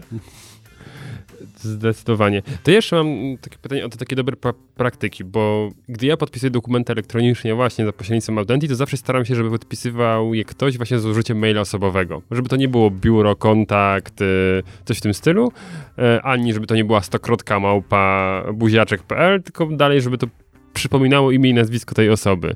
Biorąc pod uwagę, tak. że korespondowaliśmy wcześniej na jakimś messengerze, na mail, mailowo i tak dalej, no to w jakiś sposób, jak dla mnie to jest jakiś rodzaj um, autentyfikacji tej osoby. No, że okej, okay, no masz ten mail osobowy, oczywiście każdy sobie może stworzyć taki mail osobowy, tylko no zawsze no, zastanawiamy się, na ile tam jest złej woli w przypadku, gdy na przykład już gdzieś tam jakieś porozumienie nastąpiło i tak naprawdę umowa jest tylko elementem finalizacji tego. No i pytanie, czy to jest jakaś taka dobra praktyka, którą też polecacie i czy są jakieś inne też takie praktyki, które warto zadbać e, właśnie, żeby, żeby dobrze używać tego narzędzia, tak? Bo... Tak, tak. Abs absolutnie, słuchaj, no, to co robisz to jest e, bardzo zasadne, dlatego że e, po, po, popatrzmy na to z perspektywy znowu tak na chwilę z reala. Gdybym sobie wziął już nie istnieją, co prawda, ale gdybym sobie wziął książkę telefoniczną, takie kiedyś dokumenty były, prawda? Przepraszam, Piotr do tej pory ma. Ma, dobra, super. I byśmy sobie wzięli randomowo e, jakieś imię i nazwisko i numer telefonu, nie? I jakby, jakby popatrzyli sobie w ten sposób, ok, to z tym gościem tutaj e, coś zrobimy, nic o nim nie wiemy, tak? no to na pewno nie będzie bezpieczne, tak? Bo nie wiadomo, czy trafimy na kogoś e, dobrego, czy na kogoś e, nie, nie, do końca uczciwego. Więc tak jak powiedziałem, to, że patrzymy na to, w jaki sposób ktoś z nami ma, buduje tą relację, to jest budowanie wiarygodności. I oczywiście, jeżeli, jeżeli weźmiemy sobie przypadek taki, że ktoś ma e, e, buziaczek, małpka, e, nazwa portalu, kropka, coś tam, coś tam, prawda? To jeżeli to jest jedyna rzecz, którą, której, z którą dysponujemy e, w stosunku do tej osoby, no to bym uważał, tak? Bardzo bym uważał. Natomiast e, to nie jest tak, że to jest przeszkoda, bo to jest kwestia tego, jakie inne dowody mamy, że ten kontrahent, z którym, z którym e, wykonujemy relację, jest po prostu wiarygodny, więc trzeba po prostu zawsze to wyważyć. To jest jeden ze sposobów. Pytałeś też, jakie są inne dobre praktyki.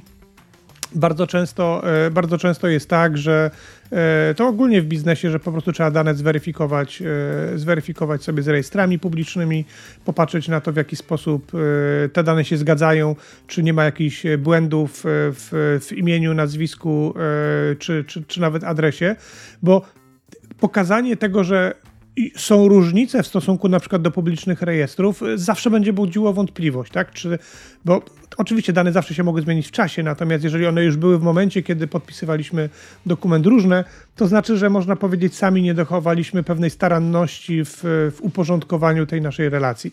I ja myślę, że każdy prawnik tutaj doradzi tak każdemu, każdemu klientowi, żeby zanim będzie podejmował jakieś zobowiązania, po prostu przez chwilę się zastanowił nad tym, czy to jest e, e, zasadne, prawda? Potwierdzam.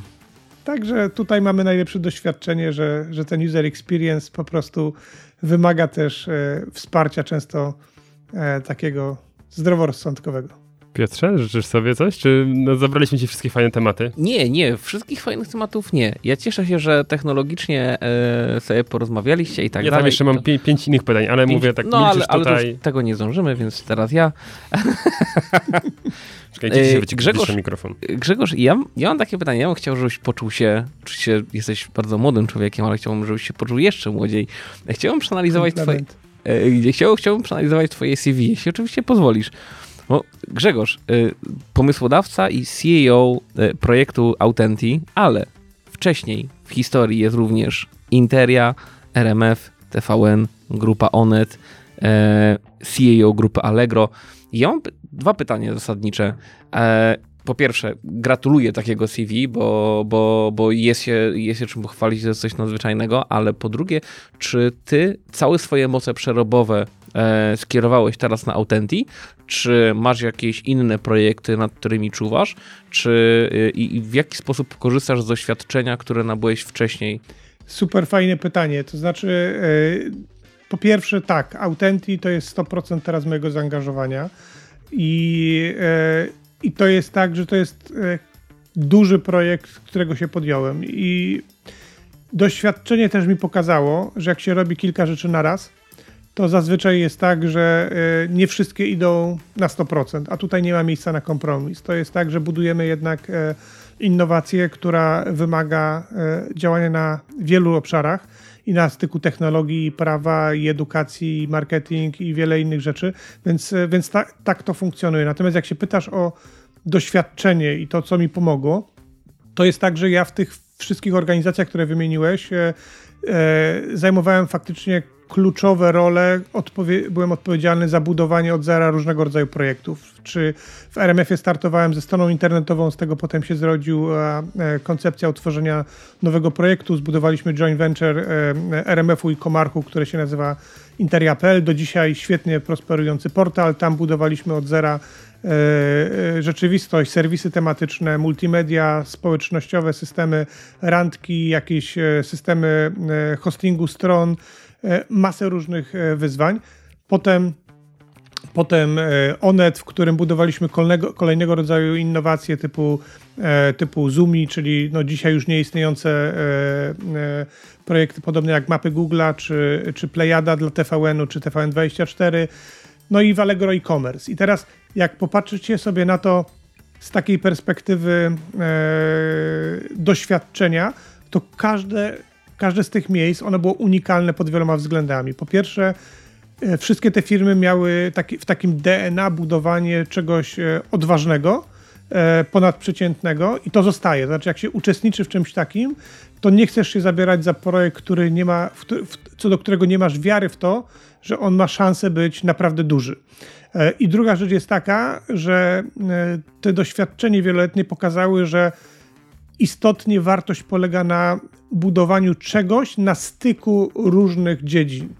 E, I tak jak sobie popatrzycie, Interia to było połączenie RMF-u i Komarchu, to był 99 rok, kiedy, kiedy, kiedy zbudowaliśmy tego typu połączenie. To było bardzo innowacyjne, bo to, to było połączenie dwóch różnych kultur organizacyjnych, świata mediowego, szalonego show biznesu, ze światem technologii, informatyków, którzy, e, którzy są zapatrzeni w swoje zero-jedynkowe ekrany.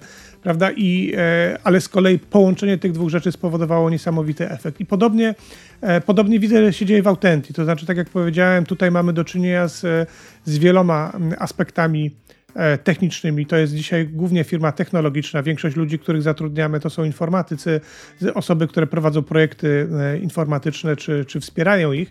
Natomiast bez tych rzeczy, o których rozmawialiśmy dzisiaj, czyli aspektów prawnych, ich zrozumienia, popatrzenia na to z perspektywy realnie interesów już naszych klientów, tego popatrzenia ich oczami, dlaczego oni E, będą mieli z tego korzyść, dlaczego, dlaczego dla nich to będzie wygodniejsze w różnych przypadkach użycia, no to to jest cała istota, którą, którą ja wyciągam z doświadczenia poprzednich firm i można powiedzieć, e, to co się nauczyłem, to to, że wartość jest tam, gdzie sobie na styku dwóch różnych dziedzin jesteśmy w stanie wyciągnąć ten wspólny mianownik i połączyć te kropki.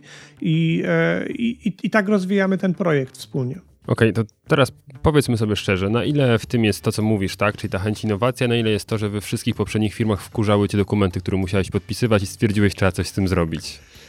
To mnie, to mnie bardzo wkurzało. Znaczy, to był jeden z kluczowych bodźców. Natomiast tutaj proces myślowy był e, dość. E, e znaczy, ta inspiracja to, była, e, to był bodziec, natomiast e, potem następowała taka ogólna myśl, bo wiesz, ja jestem osobą, która e, zazwyczaj myśli kreatywnie na temat różnych rzeczy. Wymyślam czasami rzeczy, które są odjechane tak, że nikt ich nie rozumie.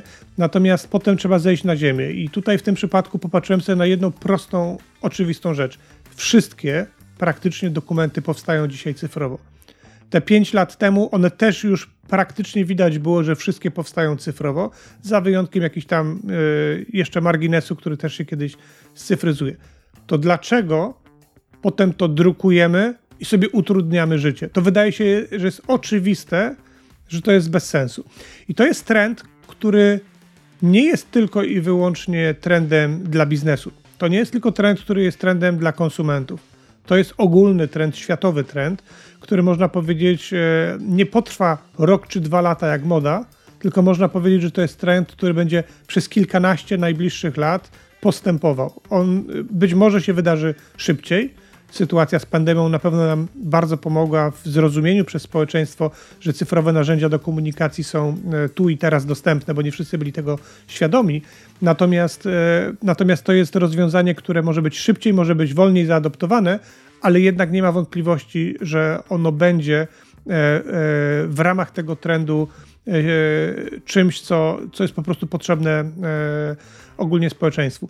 Więc to była taka w pewnym sensie z jednej strony bodziec, emocje, faktycznie wkurzenie z, z, tych, z tych ton dokumentów, bo ja naprawdę nie cierpiałem tego podpisywać. E, a jeszcze jak przyszła jakaś umowa na kilkadziesiąt stron i ktoś mi ją kazał parafować, no to wiecie, jak, jak można się było zdenerwować.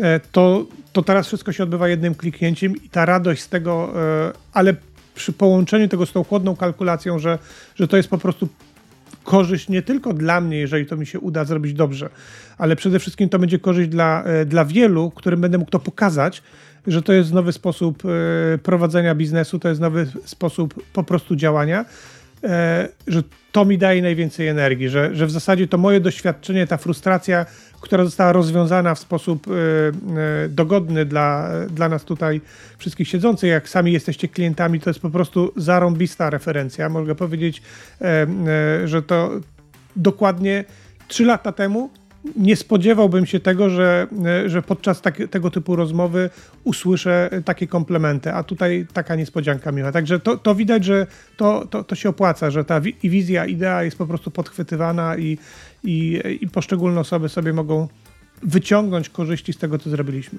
Ja z tym problemem, o którym mówiłeś e, odnośnie kubki dokumentów i podpisywania, mocno się utożsamiam.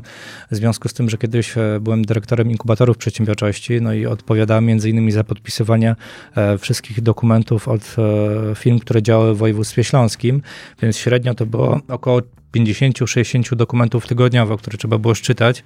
Te dokumenty niestety nie były jednostronicowe, no i więc każdy trzeba było sparafować, wcześniej oczywiście przeczytać, no a później podpisać. Także no tak kilka godzin w tygodniu to było wyłączone tylko i wyłącznie na te formalności. Wiecie, ty, ty, ja dzisiaj już, jest, ja już jestem na takim etapie, że ja wszystkie dokumenty praktycznie podpisuję elektronicznie. Zdarza się czasami jakaś tam kompatybilność wstecz w bardzo rzadkim przypadku. E, to, to jest, bywa tak, że niektórzy nasi klienci mówią, no właśnie przechodzimy na cyfryzację, dlatego jeszcze tę ostatnią umowę proszę podpiszmy na papierze. Mówię, no ale czy naprawdę nie możecie odpuścić tego ostatniego dokumentu? No ale to się zdarza czasami, tak? Pójdziemy na jakiś taki, e, e, taki kompromis, że po prostu dobra, to ta ostatnia umowa, podpiszę ją elektronicznie, a potem wam podpiszę jeszcze wersję na papierze, żeby nie było. Bo to wynika z jakichś procedur, które ktoś kiedyś zatwierdził, jeszcze muszą być zmienione w korporacji. Bywa tak. Ale, e, ale e, ja już jestem na takim etapie, że się zastanawiam, jak zrobić, żeby to było jeszcze szybciej niż cyfrowo, e, tak jak teraz. E, natomiast cały czas e, główna oś to jest myślenie o bezpieczeństwie, dlatego że, dlatego, że w podpisywaniu dokumentów, jak sami dobrze wiecie, nie jest tylko istotny proces i wygoda, ale istotna jest odpowiedzialność za to, co się tak naprawdę podpisuje. I, I tutaj trzeba po prostu bardzo uważać. Czym bardziej nasze rozwiązanie będzie powszechne i popularne, tym większe prawdopodobieństwo, że jak z każdym narzędziem, no nie każdy się potrafi tym posługiwać dobrze i, e, i może się okazać, że ludzie podobnie jak w mediach, społecz... w mediach społecznościowych klikają lajki, tak mogliby klikać w dokumenty, więc czasami po prostu jest tak, że ten proces musi być celowo trochę trudniejszy niż takie o hip hip hura, po to, żeby nadać temu powagę sytuacji i, i realnie pokazać, że to jest jednak ważna decyzja, którą tutaj podejmujesz, zatwierdzając ją w takiej platformie, która jest wygodna, ale jednak no, przeczytaj ten dokument, wpisz ten kod e, z SMS-a po to, żeby była pewność, że, e, że robisz to w pełni świadomie. Także to, to, to są tego typu dylematy pomiędzy wygodą a, e, a bezpieczeństwem. Zawsze musi być wyważenie. Tak, to już wiem, dlaczego u was nie ma opcji zaloguj przez Facebooka na przykład. Wiesz co, y, to możemy dołożyć akurat. Zalogowanie przez Facebooka niczemu y, tak bardzo nie szkodzi, ale oczywiście y, jest też tak, że większość osób, które mają Facebooka, ma je na komputerze i się nie, wy, nie wylogowuje z tych systemów, więc u nas nawet jakbyś się zalogował przez Facebooka, to by i tak cię wylogowało po jakimś czasie, mhm. jak w każdym dobrym banku, dla twojego bezpieczeństwa. No właśnie też to zauważyłem, że za każdym razem, gdy podpisuję coś przez Authentic, muszę się zalogować no jest to, jest to jakiś rodzaj... Bo e, jesteś nadawcą. To, to tak, jest, tak, tak, tak, jako, jako tak, nadawca. To jest, tak, jest tak. element bezpieczeństwa, dokładnie tak. Dokładnie tak. No dobra, to mm, bo chciałbym jeśli możemy szybko przelecieć przez certyfikaty na końcu, bo to, to jest coś, to troszkę pomijaliśmy, bo gdy się podpisuje u was umowę, to nas, do, dorzuca się ostatnia kartka tak naprawdę do umowy. Tak. Tak. I to jest karta podpisów i tamten są te wszystkie certyfikaty. Na co należy tam? Czy w ogóle musimy coś tam sprawdzać jako użytkownik, czy to się dzieje całkowicie z automatu, e, żeby być pewnym? Bo rozumiem, że no wiadomo, jak się skopiuje plik do Adobe czy do jakiegoś innego narzędzia, to się podpisze, że o, dokument podpisany cyfrowo, super ale no co tutaj, na, na, co szczególnie zwrócić uwagę, żeby być pewnym, że okej, okay, ten, mm, jeśli, jeśli, dostałbym taki, nie wiem, dokument wydrukowany, że no to jest legitnie podpisane przez, y, przez Authentic. Czy jest coś takiego tutaj, z, możemy sobie sprawdzić? Słuchajcie, więc przede wszystkim e, karta podpisów, którą mamy w platformie, to jest też pewnego rodzaju właśnie innowacja, ja ją nazywam innowacją marketingową. Dlaczego? Dlatego, że e, tak jak powiedziałem, podpisy elektroniczne są niewidoczne. One są w warstwie, e, warstwie cyfrowej zaszyte w dokumencie. Natomiast e, my jako ludzie po prostu musimy, jesteśmy wzrokowcami, po prostu chcemy, chcemy popatrzeć na coś i wiedzieć, że mamy do tego zaufanie. Więc z jednej strony ten plik komputerowy jest przede wszystkim dowodem samym w sobie. On zawiera wszystkie, wszystkie kluczowe elementy i on, i on jest oryginałem. Więc jeśli ktoś sobie wydrukuje tą kartkę papieru, no to tak jakby sobie zrobił ksero czy tak jakby sobie z, y, zrobił zdjęcie telefonem tego, prawda? To nie będzie oryginał. ale będzie to wizualizacja tego oryginału, więc on może się przydać, e, taka kopia się może przydać w różnych przypadkach, ale nie będzie oryginałem, więc główny, e, głównie plik elektroniczny stanowi dowód z, z całego procesu. Co do, e, co do tej karty podpisów, tak, ona spełnia dwie cechy. Daje dwie korzyści. Po pierwsze, ona jest tworzona w momencie nadania dokumentu, i jak, jak sobie na nią popatrzycie, zaczyna się od pieczęci elektronicznej, tak zwanej otwierającej, czyli pieczęci, którą przybijamy e, cyfrowo zaraz po nadaniu dokumentu, zabezpieczając integralność treści. To znaczy, od tego momentu jakakolwiek zmiana w treści dokumentu, czy to będzie jeden bit, czy to będzie cała strona, to nie ma żadnego znaczenia, to po prostu będzie zmiana, będzie wychwycona, bo inaczej, e, inaczej powiedziawszy, wprowadzenie jakiejś zmiany w tym pliku spowoduje go dezintegrację i będzie widać, że, że plik był manipulowany. Potem następuje seria e, wszystkich podpisów, które są, e, które, które były w procesie podpisywania, a więc mając taką kartę, widzimy też, że był cały proces tego, czyli wiadomo kto, kiedy, w jakiej kolejności składał dane oświadczenia i na tych, e, e na tych wizualizacjach widzicie adresy IP, e, widzicie dane osobowe, e, oczywiście składających podpisy. A na koniec mamy tak zwaną pieczęć zamykającą, finalizującą, która z kolei po złożeniu wszystkich podpisów zabezpiecza nie tylko te złożone podpisy, ale, e, ale również zamyka ten dokument. Tam jeszcze dodajemy, e, dodajemy dodatkowe atrybuty typu kwalifikowany znacznik czasu. Odpytujemy e, te europejskie systemy dostawców o, o certyfikaty, jeśli takie były użyte, to wszystko zabezpieczamy razem i powoduje to, że ten materiał staje się faktycznie tym dowodem samym w sobie. Więc jest to takie, e, tak jak powiedziałem, dlaczego nazywam to innowacją marketingową? Dlatego, że gdyby tego nie było, to, e, to świadomość istnienia tego wszystkiego byłaby dużo niższa, bo dałoby się te, te, te elementy e, wprowadzić do, do dokumentu, nie wiem, gdzieś tam w którymś lewym czy prawym górnym rogu upchać tego typu info, informacje, ale tak jak słusznie powiedziałem, upchać to by było ani nieprzyjemne, ani niewygodne, ani nie dawało tego komfortu, więc tutaj mówiąc o marketingu, e, mam na myśli to, że tutaj pokazujemy, że to jest edukacja. Ten, dla nas ten marketing to jest taka edukacja tego, że te podpisy cyfrowe, one są po prostu e, wygodniejsze i można sobie je wydrukować, jeżeli ktoś sobie bardzo e, potrzebuje sobie zrobić ksero z tego czy cokolwiek. Natomiast nie będzie to miało wartości takiej jak, jak sam plik, a sam plik z kolei, jak to, jak to plik komputerowy, każda, e, i to są różne, różne opinie prawników, tutaj już mogę powiedzieć, co prawnik to opinia.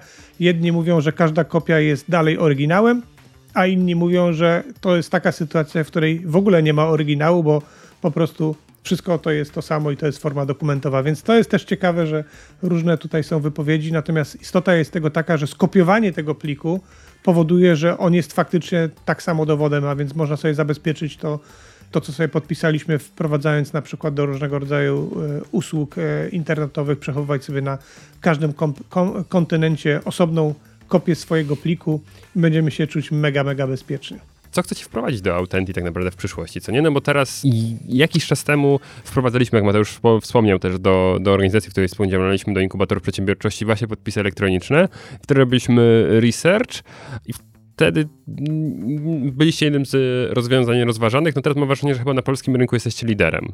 Wiesz co, to jest tak, że y, na pewno jesteśmy y, podmiotem, który ma, firmą, która ma wiele rzeczy zrobionych w sposób unikalny. Mhm. Natomiast to nie jest tylko już podpis elektroniczny. Podpis elektroniczny to jest tylko część naszego ekosystemu usług. Bardzo mocno pracujemy nad e, rozwiązaniami dotyczącymi identyfikacji właśnie zdalnej e, mhm. tożsamości, która będzie mogła służyć zarówno procesom podpisowym, jak i być też niezależnym narzędziem od tych e, podpisów. To po pierwsze. Po drugie, e, pracujemy nad e, elementami związanymi z doręczeniami dokumentów. Chodzi o to, żeby one, podobnie jak listy polecone na poczcie, mogły być doręczane również e, na poziomie tak zwanego rejestrowanego doręczenia elektronicznego. To jest duży projekt badawczo-rozwojowy, w który teraz inwestujemy, bo też chcemy zrobić to w sposób nietradycyjny. A na co dzień pracujemy nad tym, w jaki sposób y, szeroko pojęte usługi zaufania, czyli te podpisy i pieczęci elektroniczne mogą być e, lepiej dostosowany do konkretnych przypadków użycia. Czyli można powiedzieć w ten sposób, generycznie my dzisiaj jesteśmy w stanie roz zapewnić rozwiązanie praktycznie każdej firmie w każdej branży.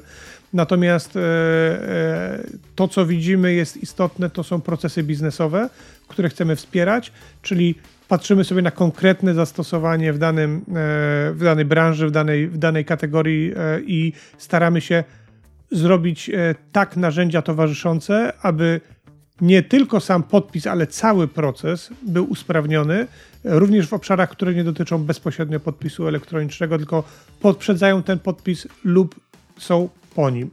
Także to jest, e, to jest dużo takich wyzwań i szczerze powiedziawszy, to jest e, też e, zawsze takie, tak, takie intelektualne wyzwanie, co zrobić w jakiej kolejności, dlatego że mamy dość szeroką grupę klientów, tak jak powiedziałem, z wielu różnych e, branż i, i się musimy zastanawiać nad tym, które przypadki są tymi, które są e, najpopularniejsze, dadzą najwięcej wartości dla rynku i zaraz się nad tym koncentrujemy.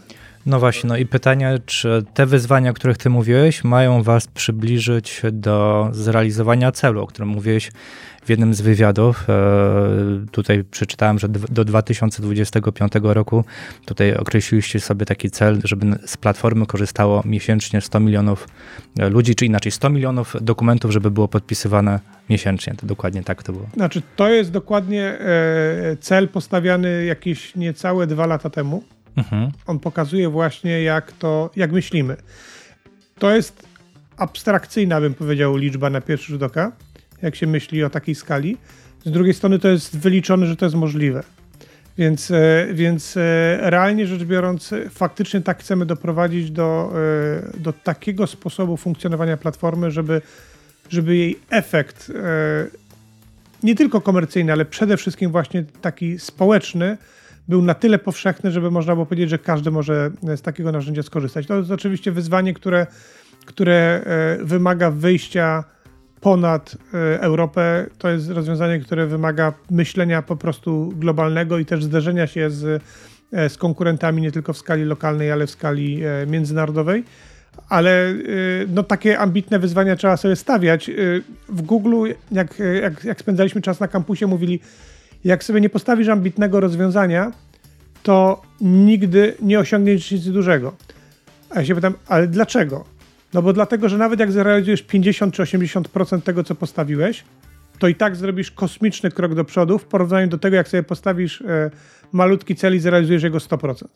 Więc e, tu dokładnie z taką, e, e, z taką inspiracją patrzymy na to, że to jest dla nas pewnego rodzaju wyznacznik do myślenia, że jak zespół IT pracuje nad czymś i widzi te 100 milionów dokumentów, to on nie może zrobić rozwiązania, które, e, które może zrobić w weekend, nie? bo to jest trochę tak, że z wyglądu takie Authentic, jak się popatrzy, jest dość proste.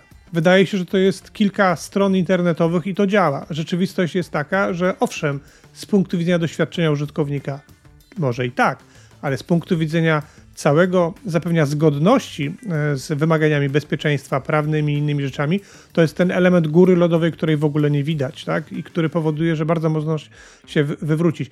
My dzisiaj rozwi- e, dostarczamy rozwiązania dla banków, e, budujemy rozwiązania, całe procesy pod konkretne przypadki użycia w sektorze, gdzie są podpisywane dokumenty kredytowe, karty płatnicze są wydawane, operacje kasowe w kasach banku są podpisywane przy pomocy Autenti, umowy leasingowe, rozwiązania, które, które działają w sektorze ubezpieczeń, e, sektor medyczny. Jak sobie popatrzycie na tego typu przypadki, no to się okazuje, że tam nie ma miejsca na, e, na radosną twórczość, tam jest po prostu bardzo konkretna praca do wykonania, a więc wtedy połączenie tych wyzwań bezpieczeństwa, jeszcze z tą skalowalnością, którą trzeba będzie zapewnić w miarę jak to będzie wszystko rosło, e, to to jest kwestia, która jest wskazówką, tak? I gdybyśmy myśleli, że to będzie nie 100 milionów, tylko milion, to najprawdopodobniej wszystkie systemy byłyby tworzone zupełnie inaczej. Po prostu byłyby robione pod, pod inne założenia. A my wiemy, że nie możemy się zatrzymać w pewnym punkcie i nie możemy pozwolić na to, żeby technologia czy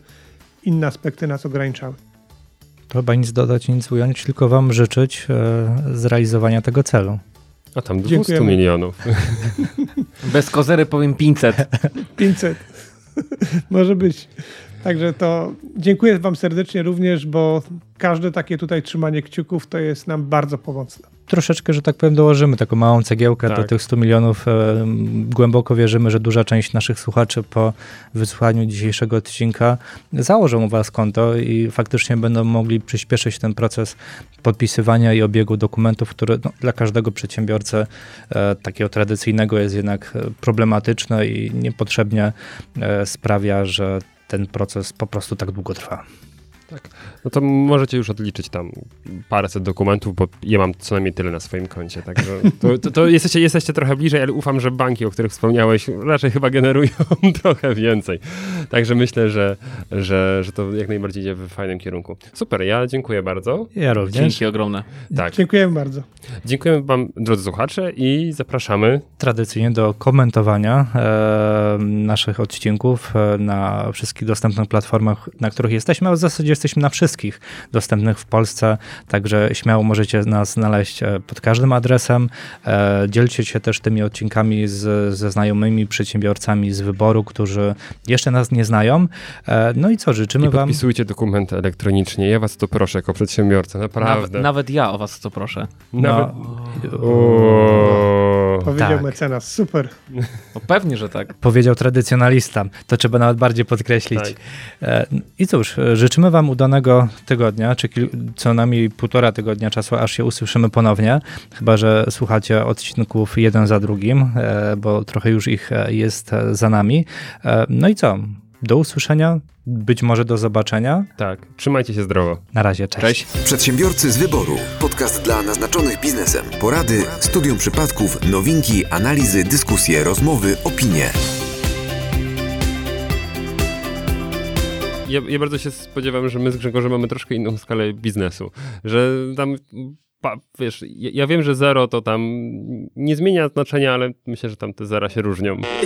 Znamy przedsiębiorcę, który miał osobny pokój na kontrole skarbowe, gdzie temperatura i klimatyzacja były nastawione tak, żeby im się nigdy nieprzyjemnie nie prowadziło tych kontroli skarbowych.